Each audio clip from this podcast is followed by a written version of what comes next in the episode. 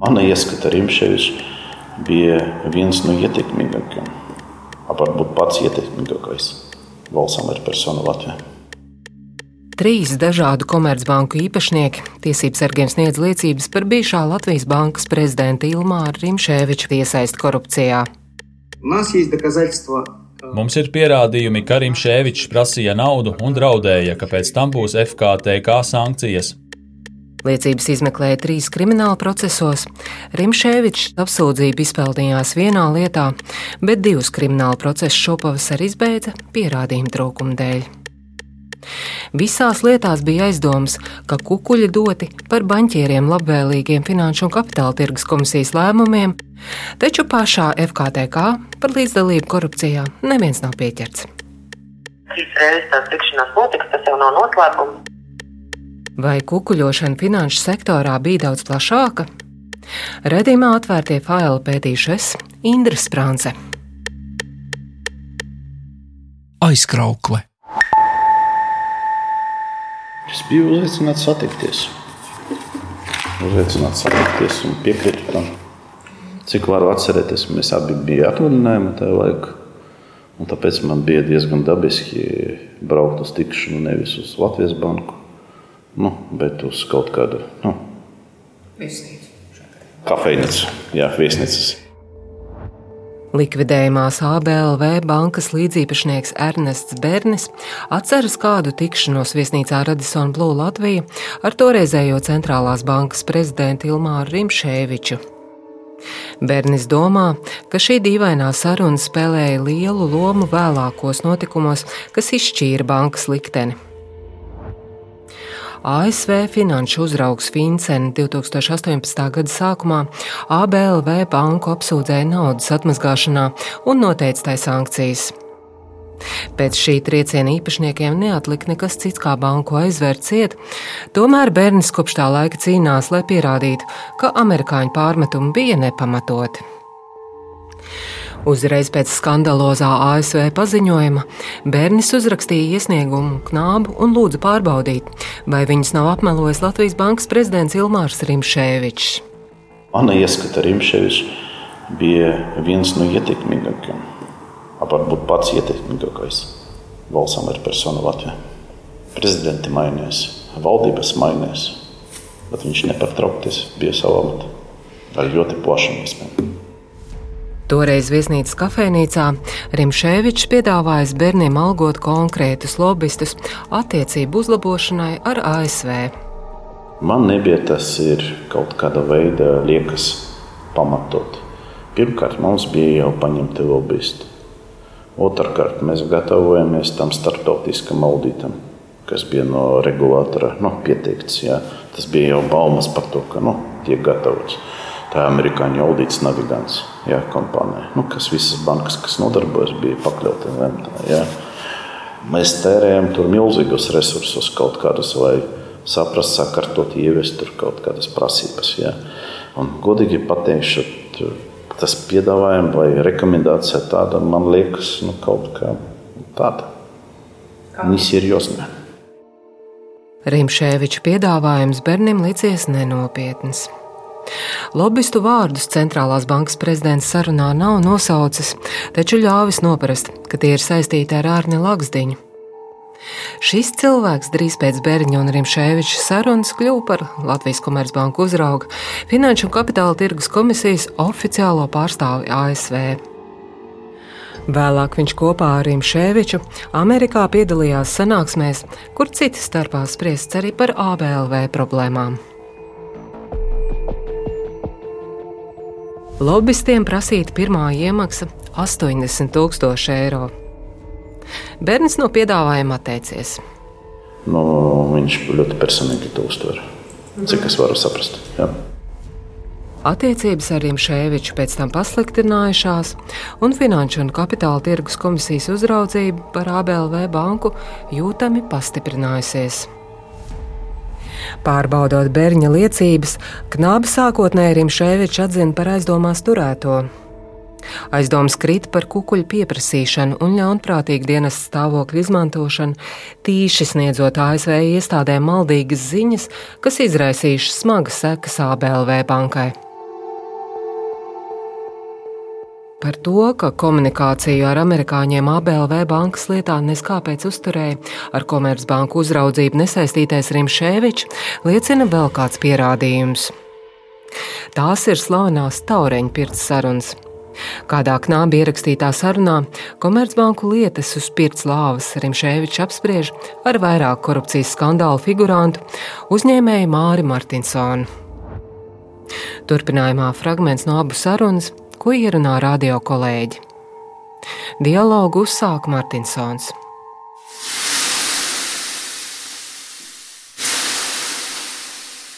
Amerikāņi nav Rīgā, vai būs viņi it kā esot solījušies šonadēļ būt? Pirmdien. Pirmdien, pēc nedēļas, ā, un tur gatavojot it kā visus tos papīrus, es saprotu, ka. Nu, tu saproti, tur ar papīriem būs par maz šoreiz, jā? Jā, Jo papīrus varēja nu, sagatavot, aizvest, atdot un tā tālāk. Jā. Ja brauc, tas jau nu, ir konkrēti. Turpat nevis te gatavos, bet viņi jau ved. Es varu parādīt. Nu. tad nu, Nu, nē, nē, bet nu, mēs dodam sešus mēnešus. Jā. Un, ja te nebūs, nu, jūs nesapratīsiet, un mēs brauksim vēlreiz, paskatīsimies, un tad būs, tad prasiet. 4, 5 gadus, kad aiztaisīja multivefu, nu, ogri, jā, trīs. jā, bet ko viņi taisās taisīt ciet tagad? Nu, es jau Viktoram stāstīju, ir četras kandidātas. Aizkraukle? Aizkraukli. Nu jā, jā.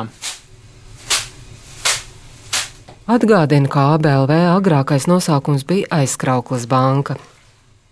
Šajā sarunā Rimšēvičs piemin vēl trīs bankas - Baltikumu, Citadeli un Norvigu banku, kurām varētu būt problēmas ar ASV, un piekodina Martinsonam to nevienam neteikt. Tu brauc prom? Ja? Es esmu Amerikā uz, uz visu kaut ko, uz, uz informāciju un tā tālāk. Jā. Nu, šitas te par tiem amerikāņiem, to, ko es tev teicu, nu, tas, ir, tas ir tik nopietni. Jā. Nu, vot ko viņi citadeli, par ko viņi grib pīt? Nu, vecais, es jau nezinu, jā. par aizkrauklu tur ir Nu, tur skaidrs. būvniecības kašs izņemts laukā. Tādā veidā. Un viņiem visi tie papīri ir. Pa telefonu viņš jau man nestāstīs, viņš jau brauks. Mēs jums parādīsim, jā. Bet, nu, tu saproti, es tev izstāstīšu, kā bija. Toreiz bija tā situācija, kad bija kaut kādas sešas vai septiņas bankas Amerikā, tur, kur nevarēja norēķināties. Jā. À, Tur bija, un šitie, šitos visus nokoptu. Nokopt šitiem nav ko nokopt. Ja šitie džeki pasaka, ka vienkārši viss tev beidzas, tu nevari vairāk norēķināties, saproti. Tev paliek darbs Eiropā. Tu esi tā kā ar vienu kāju. Ja? un ko tad? Nu, tu vari taisīt ciet, principā. Tu vari taisīt ciet, principā, savu banku. Jā. Tā kā es visiem džekiem saku, nu, veči, nu, drusku, drusku, nu, saprotiet to situāciju. Nu, novācieties tagad no tanka tā kursa. Nu, ko jūs tur zināt? Bērns staigā apkārt ar prezentāciju, ministru kabinets, premjeras, saimnes budžeta komisija. Vienkārši stāsta, nu, johaidī, mēs te pievelkam tā teikt naudu, mēs te darba vietas radām. Paskaties, cik mēs nodokļus nomaksājam. Nu, kas tie par stāstiem vecais? Nu, tā bērnišķīgi kaut kādi. Nu.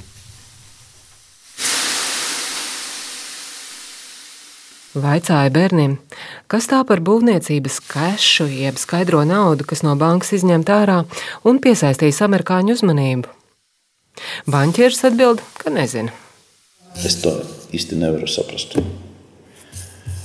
Bet godīgi, godīgi man šķiet, ka to pirmkārt jāprasa viņam, par ko viņi minēja. Ja? Es piecas reizes tur lasīju to teikumu. Otra lieta man šķiet, ka viņi dzīvo kaut kādā izdomātā pasaulē. Rimšēvičs izmeklētājiem noliedzis iepriekš minēto tikšanos ar bērnu viesnīcā. SavukārtĀrnis Lakstiņš noliedz saikni ar lobbyistu firmu. Izmeklētājiem gan viņš zināja stāstīt, ka konkrētā firma, par kuru ir aizdoms, izstrādājusi rekomendācijas banku nerezidentu jautājumos. Izmeklēšanā arī noskaidrots, ka Rimšēvits ar šiem lobbystiem Latvijas bankas telpās četru gadu laikā ticies 11 reizes. Tomēr attiecībā uz ABLV gadījumu Lakstiņš liecinājis, ka Rimšēvičs viņam par šo banku nekad viedokli nesot izteicis. Gala rezultātā knābi izmeklētāji neatrada pierādījumus, ka Rimšēviča ABLV būtu apmelojis, un šo pavasaru kriminālu procesu izbeidza. Šajā pašā krimināla procesā birojas izmeklēja ASV finanšu uzrauga Fincena izplatīto paziņojumu, ka banka devusi kukuļus Latvijas amatpersonām, lai piesakt netīrus darījumus. Arī tam pierādījums neatrada. Kā krimināla procesa rezultātu vērtē Bērnis? Attiecībā uz ABV uz sevi ar pateicību, tāpēc, ka es redzu, ka mēs uz vienu būtisku jautājumu dabūjam atbildē. Par to, ko ABLV banka, viņu īpašnieki nenodarbojas ar kukurūdošanu kaut kādu. Tīri pilsoniski man kauns. Pateikšu. Man kauns, ka ilgstoši tādas personas ar tādiem, tādā līmenī, es arī varu piemēram rupju vārdu pateikt. Bet tas ir padaudz man šķiet. ABLV vadītāja atbildība gan izmeklē vēl vienā krimināla procesā, kas ierosināts reaģējot uz amerikāņu pārmetumiem. Šajā lietā valsts policija nu pat mājā aizdomās turmā status piemērojas pieciem bankas vadības līmeņa darbiniekiem, tajā skaitā bankas līdzīpašniekam Ernestam Bērnim. Viņu līdz ar Vadimu Reinfeldu, Aleksandru Pāži, Igoru Rogovu un Kasparu Dreimani tur aizdomās par klientu naudas atmazgāšanu vairāk nekā 1,9 miljārdu ASV dolāru apmērā. Zem izmeklētāja lupas ir piecu gadu darījumi, ko veikušas trīs lielas klientu grupas no Azerbaidžānas, Ukrainas un Krievijas. Latvijas tiesību sargu pieredzē tā ir visu laiku lielākā naudas atmazgāšanas lieta. Bērnis gan saka, ka pārmetums nesaprot. Viss tas bizness bija redzams no regulatora puses, bija nepārtrauktas pārbaudas. Un man vienkārši šajā lietā inkriminē to, ka man bija jāzina par kaut kādu klientu, bet par to klientu mēs, piemēram, varējām noziņot gan kontrolas dienestam. Tie klienti, cik es varu atcerēties, daļa no tiem bija slēgta vēl darbības laika pēc bankas iniciatīvas izbeigtas attiecības. Cik es varu atcerēties, Vismaz viena no tiem klientu grupām bija Fuktuka pārbaudas. Un tagad, pēc pieciem vai cik gadiem, tāds secinājums, ka tas ir naudas apmazgāšana. Nu, kaut kāda. Nu. Bērnis kategoriski noliedz, ka būtu palīdzējis klientiem mazgāt naudu. Banka bijusi liela, darījuma apjoms milzīgs, bet gadījumi, kas liek domāt par naudas atmazgāšanu, daži. Mēs runājam par ļoti milzīgām summām, un arī šajā pamatlietā ir pat 2 miljardi, kas tomēr liek domāt, ka tās summas ir pietiekoši ievērojamas, lai to bankas vadību pamanītu. Nu, tur ir kaut kāds atkārtošs, kā apkalpot klientus, kādas prasības, kādi ir normatīvi dokumenti, kāds ir risks pieejams. Visu laiku bija saskaņots ar regulātoru. Un arī man šķiet, ka tie visi 200 lietas attaisno kaut kādu rīcību, kas notika ar BLV. Cīniski pateikšu. Respektīvi, jūs gribat teikt, ka visas tās institūcijas, valsts iestādes, kas ir iesaistītas eh, šajos procesos, Vis, visvieglāk tagad norādīt uz mums ar pirkstu. Ja? Viņi ir pievēra acis un apstiprina lietas, kur nav pamata. Es, ne, pirmkārt, jāsaprot to, ka, ja tu strādā ar klientu, jebkurai bankai ar daļu ar klientiem būs problemātika. Ja? Bet Zināja banka par to vai neizsudzīja. Tā ir liels tāds. Nu, tādas pārmeklēšanas, kas notiek tagad, kad tiek tur pārbaudīta katra transakcija klienta, ka tiek tur milzīgs resurss, ka visi nodarbojas tikai ar mums. Latvijā dažreiz liekas, ka roda jautājums. Kā beigsies šis krimināla process, rādīs laiks. Bet atgriezīsimies pie Rimšēviča, Divdomīgas tikšanās viņam bijušas ne tikai ar bērni, bet arī ar citas, nu jau slēgtas bankas īpašnieku. Norvika banka.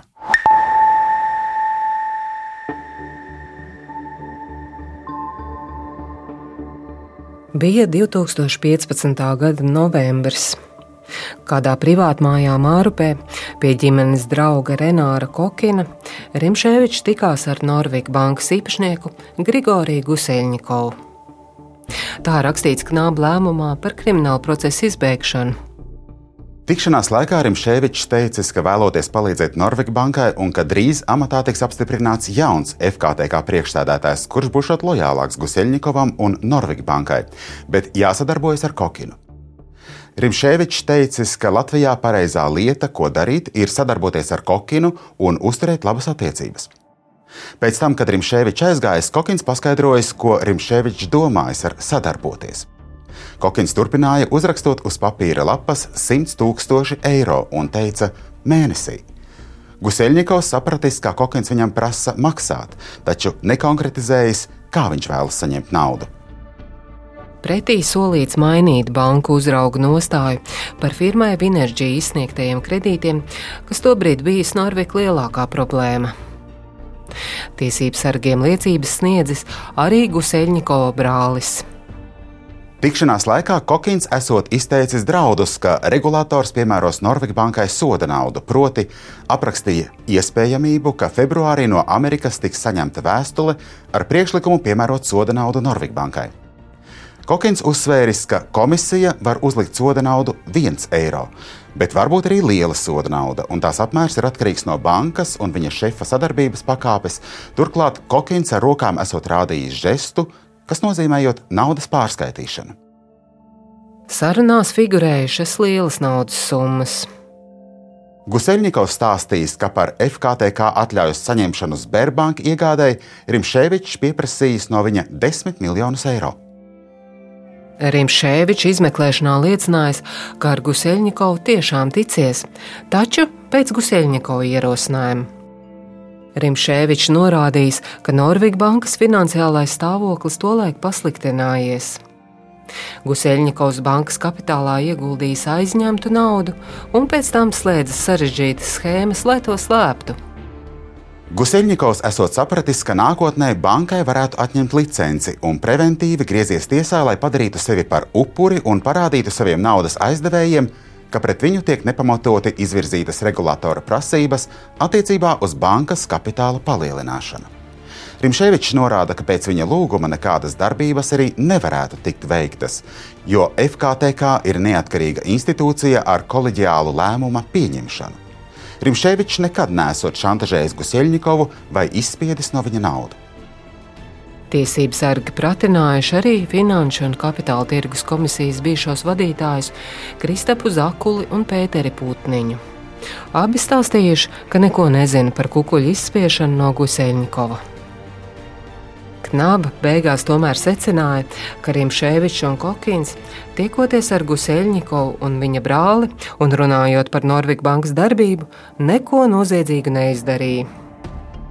Pietiekami pierādījumi tam, ka no Gusteļņikova un viņa tuviniekiem, kā Norvēģijas bankas akcionāriem, ir izspiests kukulis, ko izdarījusi valsts amatpersona pati vai ar starpnieku, nav iegūti. Я думаю, что это политическое решение по защите Es domāju, ka tas ir politisks lēmums Rimšēviča aizsardzībai. Ziniet, ir tāda padomju laika loģika. Padomju valdība par vienu diktatoru izteicās tā: Viņš, protams, ir kuces dēls, bet viņš ir mūsu kuces dēls. Tā ir arī šeit. Jā, viņš ir korumpants, bet mūsu korumpants, tāpēc mēs viņu aizstāvēsim. Tā saka Norvēģijas bankas īpašnieks Grigorijs Guseļņikovs. Viņš grasās apstrīdēt knābu lēmumu par kriminālu procesu izbeigšanu. Что касается того, что там нет никаких доказательств, это неправда. Kas attiecas uz to, ka tur nav nekādu pierādījumu, tā nav taisnība. Tur ir daudz audio ierakstu, fotografiju, video ierakstu un dokumenti ar pirkstu nospiedumiem, kā es pieņemu Rimšēvica kunga pirkstu nospiedumiem. Turklāt īpaši dokumenti, kas pierāda viņa saikni ar dažādām personām. Guseļņikovs ir Krievu izcelsmes Lielbritānijas pilsonis.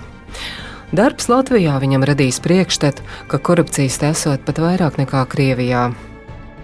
Ilgadējo Latvijas bankas vadītāju viņš raksturo neglēmojošiem vārdiem. Очень умный, очень циничный человек. Ļoti gudrs, ļoti cinisks cilvēks.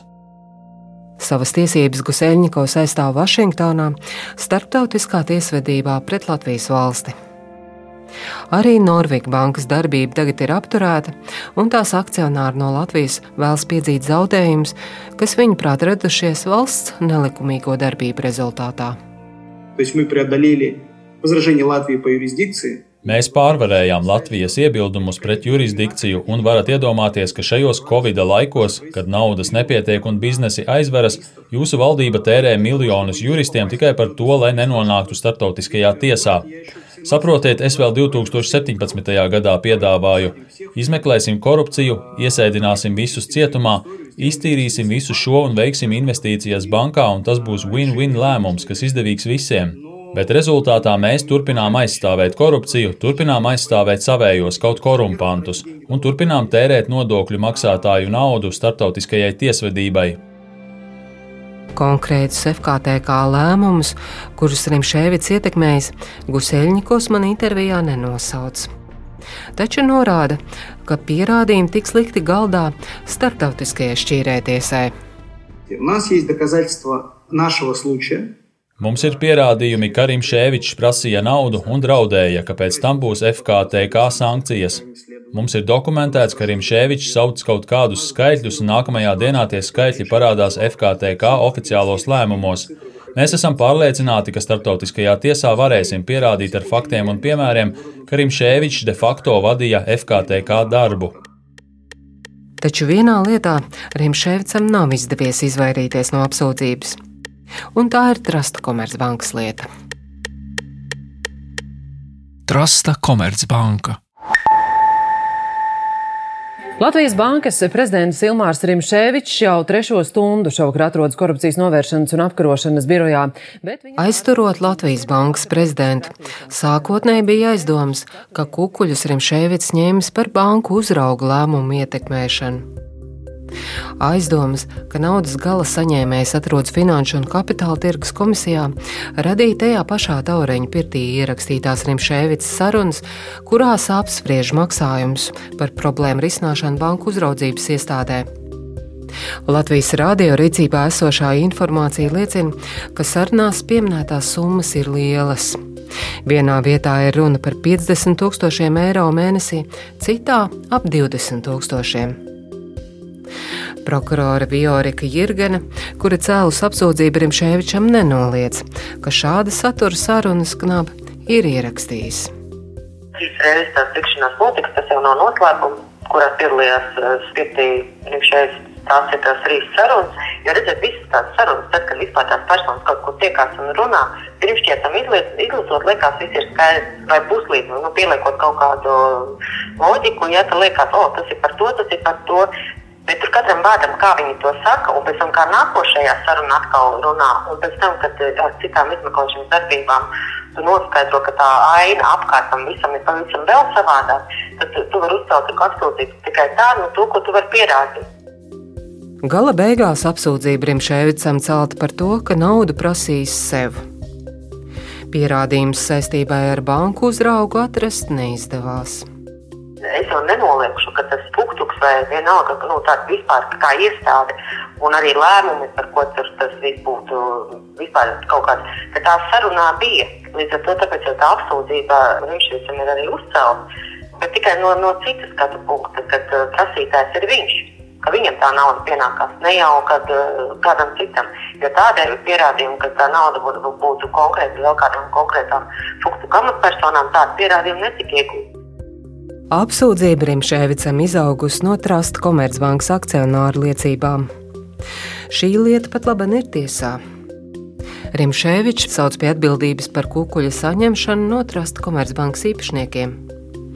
Viņi uzsaukuši Rimšēvičam gan atpūtas braucienu uz Kamčatku, kur Latvijas bankas prezidents apšaubāmā kompānijā zvejojas lašus, gan piesolījuši pusmiljonu eiro pusi no kukuļu summas Rimšēvičs esot saņēmis. Šādā veidā amatpersona esot atalgota par palīdzību problēmu risināšanā Finanšu un Kapitāla tirgus komisijā. Knābi izmeklēšanā esot ņēmis vērā, ka bijuši vairāk signāli par maksājumiem banku uzraugam, taču pierādījums nav atradis. Atzīst Knāba otrās pārvaldes priekšniece Anna Rumjanseva.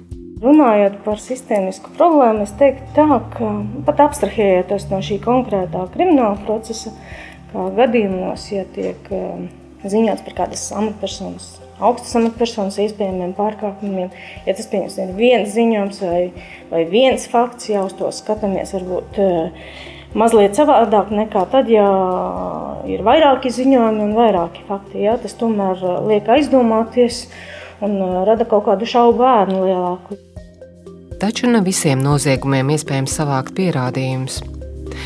Pats Ilmārs Rimšēvičs savu vainu nevienā no krimināla procesiem nav atzinis.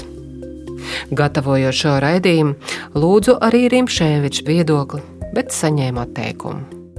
Labdien, Indra! Paldies, ka rokat! Nē, esmu zaudējis ticību, ka viss nāks reiz gaismā. Pagaidām nedrīkstu runāt. Tā atrakstīja Rimšēvičs. Pašreizējā Finanšu un Kapitāla tirgus komisijas vadītāja Santa Purgēle atzīst, ka ziņas par FKTK lomu šajos krimināla procesos ir nepatīkams. Tāpēc, sākot pildīt amata pienākumus, izvērtējusi dažādus banku uzrauga lēmumus. Attiecībā pret tiem cilvēkiem, kas joprojām strādā šeit komisijā, šobrīd man nav nekāda pamata domāt par viņu neusticību vai kaut kādu līdzdalību. Es eh, ticu, ka eh, šie cilvēki ir godprātīgi un pilda savus pienākumus godprātīgi gan tad, gan šodien joprojām. Bet, protams, ka šie notikumi galvenokārt lika mums jaunai vadībai domāt uh, un pieņemt uh, šādus dažādus lēmumus un, un veidot lēmumu pieņemšanas procesu un atbildības jomu tādējādi, lai turpmāk nerastos nekādas šaubu ēnas par to, ka var būt kaut kāda viena cilvēka ietekme vai svars lēmumu pieņemšanā. Vaicāta, vai Latvijas bankas vadītājam bijusi ietekme uz FKTK piespriesto sodu apmēriem bankām, Purgaila atbild šādi. Viennozīmīgi nav tādas ietekmes. Šobrīd noteikti nav. Nu, tādai nevajadzēja būt arī nekad, ja, jo nekas neparedz, ka tāda var būt. Ja, jo vismaz šobrīd arī mums ir izstrādāta ļoti skrupuloza sodu piemērošanas politika, kur skaidri un gaiši viss ir aprakstīts, caurspīdīgi, ko par ko, kādu sodu tev var pielāgot. Un tās nav tādas variācijas, kad var nepiemērot nemaz, un tad var piemērot eh, entos miljonus. FKTK vadītāji uzsver, ka krimināla procesos pavīdējušās aizdomas iespējams pārbaudīt tikai ar krimināla procesālām metodēm. Komisija tur neko nevar iesākt. Tieši tāpat kā jūs uzdodat jautājumus, arī es, un mēs katrs droši vien uzdodam sev jautājumus, kā bija, ja, un kā bija patiesībā, bet, bet to, mēs, to mēs nevaram noskaidrot. Raidījumu veidoja Indra Sprānce, Anita Brauna un Reinis Budze. Atvērtie faili!